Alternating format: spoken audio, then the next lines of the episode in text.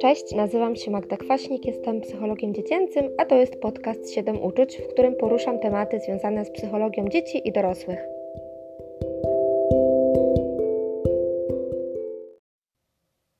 Dzisiaj chciałabym opowiedzieć o pięciu błędnych przekonaniach, które próbuje nam narzucić świat.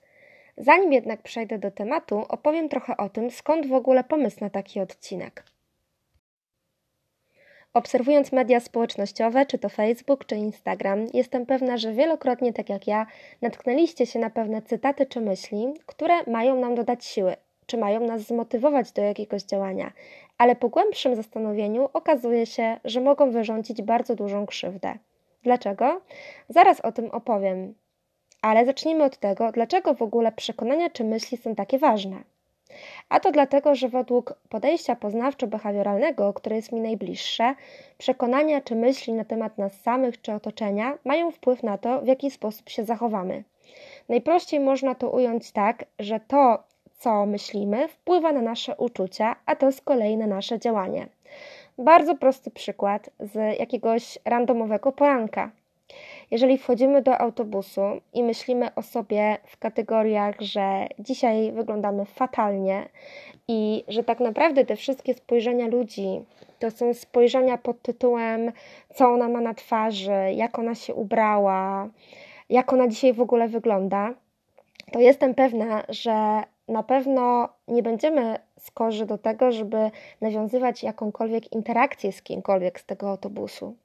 Z kolei, jeżeli akurat mamy dobry humor i akurat myślimy o sobie dobrze i czujemy się ze sobą dobrze, to dokładnie takie same spojrzenia możemy zinterpretować w zupełnie inny sposób, na przykład jako oznaka życzliwości czy sympatii.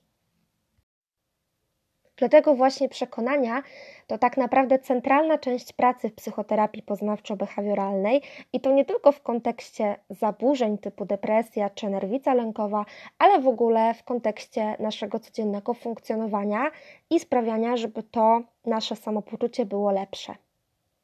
Pierwszym takim przekonaniem, które bardzo mnie denerwuje, a które często towarzyszy nam już od samego dzieciństwa, jest to, że jeżeli będziemy mili, jeżeli będziemy pomocni, pomocne, to wszyscy nas będą lubić.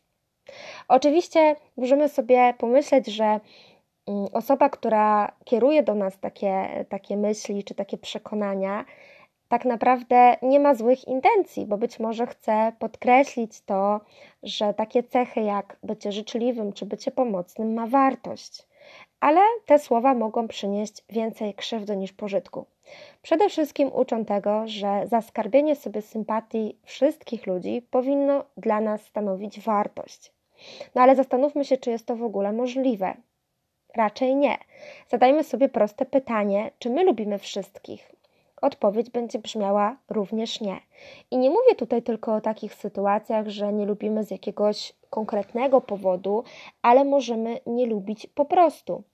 Badania pokazują, że darzymy większą sympatią osoby, które są do nas w jakimś stopniu podobne, na przykład pod kątem cech charakteru, wyglądu czy chociażby poglądów.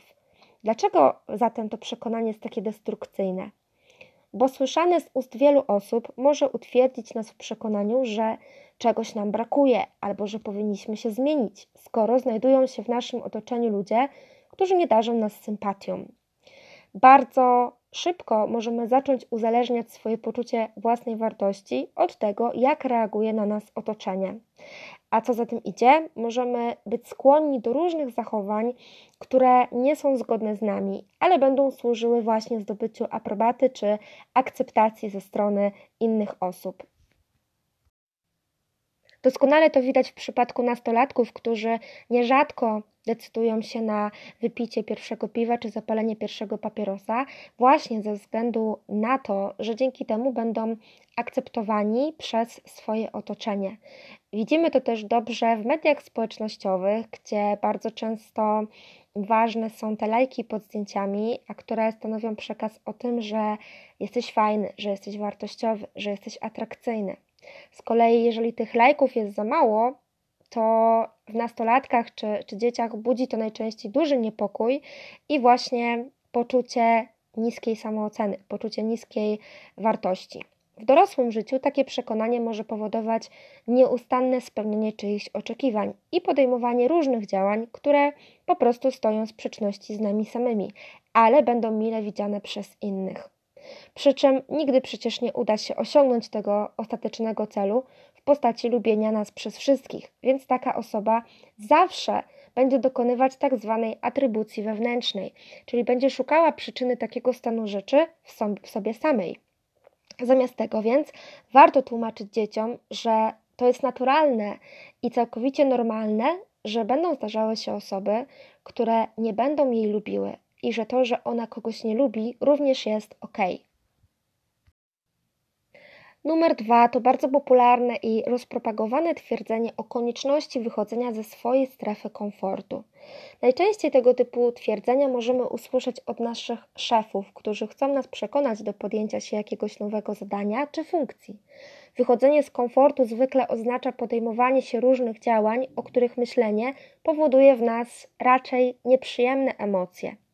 Może być to na przykład myśl o przemówieniu publicznym, gdy nie czujemy się w tym temacie za dobrze, ale wiemy, że taka umiejętność nam się przyda, albo zgłoszeniu się do nowego projektu.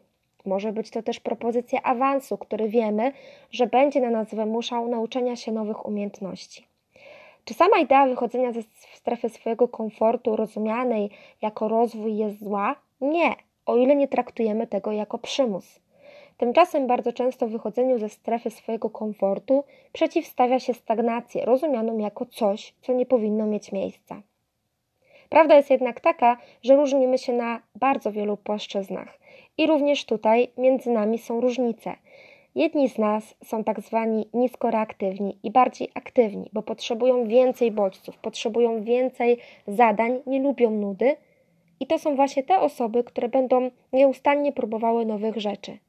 Inni zaś wolą spokój i poczucie bezpieczeństwa jest dla nich priorytetowe. Ważna jest również dla nich przewidywalność w życiu. Czy to jest coś złego, że ktoś czuje się w swojej pracy dobrze i chce w niej pracować przez następne 20 lat na dokładnie tym samym stanowisku? No nie.